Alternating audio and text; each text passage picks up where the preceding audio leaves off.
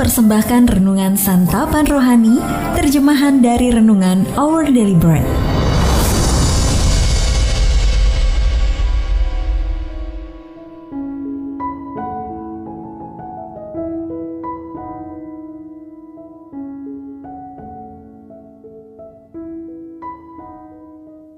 Sahabat ODB, pembacaan Alkitab hari ini terambil dari 1 Samuel pasal yang ke-16 ayat yang ke-14 sampai dengan ayat yang ke-23. 1 Samuel pasal yang ke-16 ayat yang ke-14 sampai dengan ayat yang ke-23. Daud di istana Saul. Tetapi roh Tuhan telah mundur daripada Saul dan sekarang ia diganggu oleh roh jahat yang daripada Tuhan. Lalu berkatalah hamba-hamba Saul kepadanya, Ketahuilah, roh jahat yang daripada Allah mengganggu engkau. Baiklah tuanku menitahkan hamba-hambamu yang di depanmu ini mencari seorang yang pandai main kecapi. Apabila roh jahat yang daripada Allah itu hinggap padamu, haruslah ia main kecapi, maka engkau merasa nyaman. Berkatalah Saul kepada hamba-hambanya itu, Carilah bagiku seorang yang dapat main kecapi dengan baik, dan bawalah dia kepadaku. Lalu jawab salah seorang hamba itu, katanya, Sesungguhnya aku telah melihat salah seorang anak laki-laki Isai, orang Bethlehem itu yang pandai main kecapi.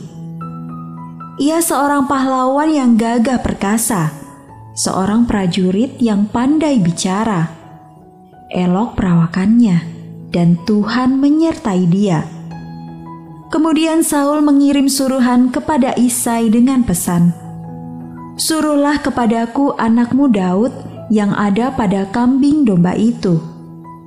Lalu Isai mengambil seekor keledai yang dimuati roti, sekirbat anggur, dan seekor anak kambing. Maka dikirimkannya lah itu kepada Saul dengan perantaraan Daud anaknya. Demikianlah Daud sampai kepada Saul dan menjadi pelayannya. Saul sangat mengasihinya, dan ia menjadi pembawa senjatanya Sebab itu, Saul menyuruh orang kepada Isai mengatakan, "Biarkanlah Daud tetap menjadi pelayanku, sebab aku suka kepadanya." Dan setiap kali apabila roh yang daripada Allah itu hingga pada Saul, maka Daud mengambil kecapi dan memainkannya. Saul merasa lega dan nyaman, dan roh yang jahat itu undur daripadanya. Ayat Mas Renungan hari ini terambil dari 1 Samuel pasal yang ke-16, ayat yang ke-23, dalam terjemahan Bahasa Indonesia sehari-hari. Daud mengambil kecapinya dan memainkannya. Lalu Saul merasa tenang dan nyaman lagi. Renungan hari ini berjudul Terapi Musik, ditulis oleh Kirsten Holmberg. Ketika Bella yang berusia lima tahun dirawat karena kanker di rumah sakit di North Dakota, terapi musik menjadi bagian dari perawatannya. Banyak orang sudah merasakan bagaimana musik dapat mempengaruhi suasana hati tanpa memahami persis alasannya. Namun para peneliti baru-baru ini membuktikan manfaat klinis dari musik. Sekarang dokter menyarankan terapi musik untuk para pasien kanker seperti Bella dan juga untuk mereka yang mengidap penyakit Parkinson, demensia, atau trauma. Saat jiwanya tersiksa, Raja Saul membutuhkan semacam terapi musik. Melihat Saul kehilangan damai sejahtera, para pelayan mengusulkan kepadanya agar mencari seorang untuk memainkan kecapi. Dengan harapan itu akan membuat raja merasa nyaman. Lalu mereka memanggil Daud, putra Isai. Dan Saul menyukai Daud serta memintanya untuk tetap menjadi pelayannya. Daud bermain musik manakala Saul gelisah, hingga sang raja kembali lega dan terbebas dari penderitaannya. Kita mungkin baru menemukan secara ilmiah apa yang telah Allah ketahui selama ini tentang pengaruh musik atas diri kita. Sebagai perancang dan pencipta tubuh manusia dan musik itu sendiri tentunya, Allah menyediakan resep untuk kesehatan kita yang selalu dapat diakses oleh semua orang, kapan pun dan di mana pun kita hidup.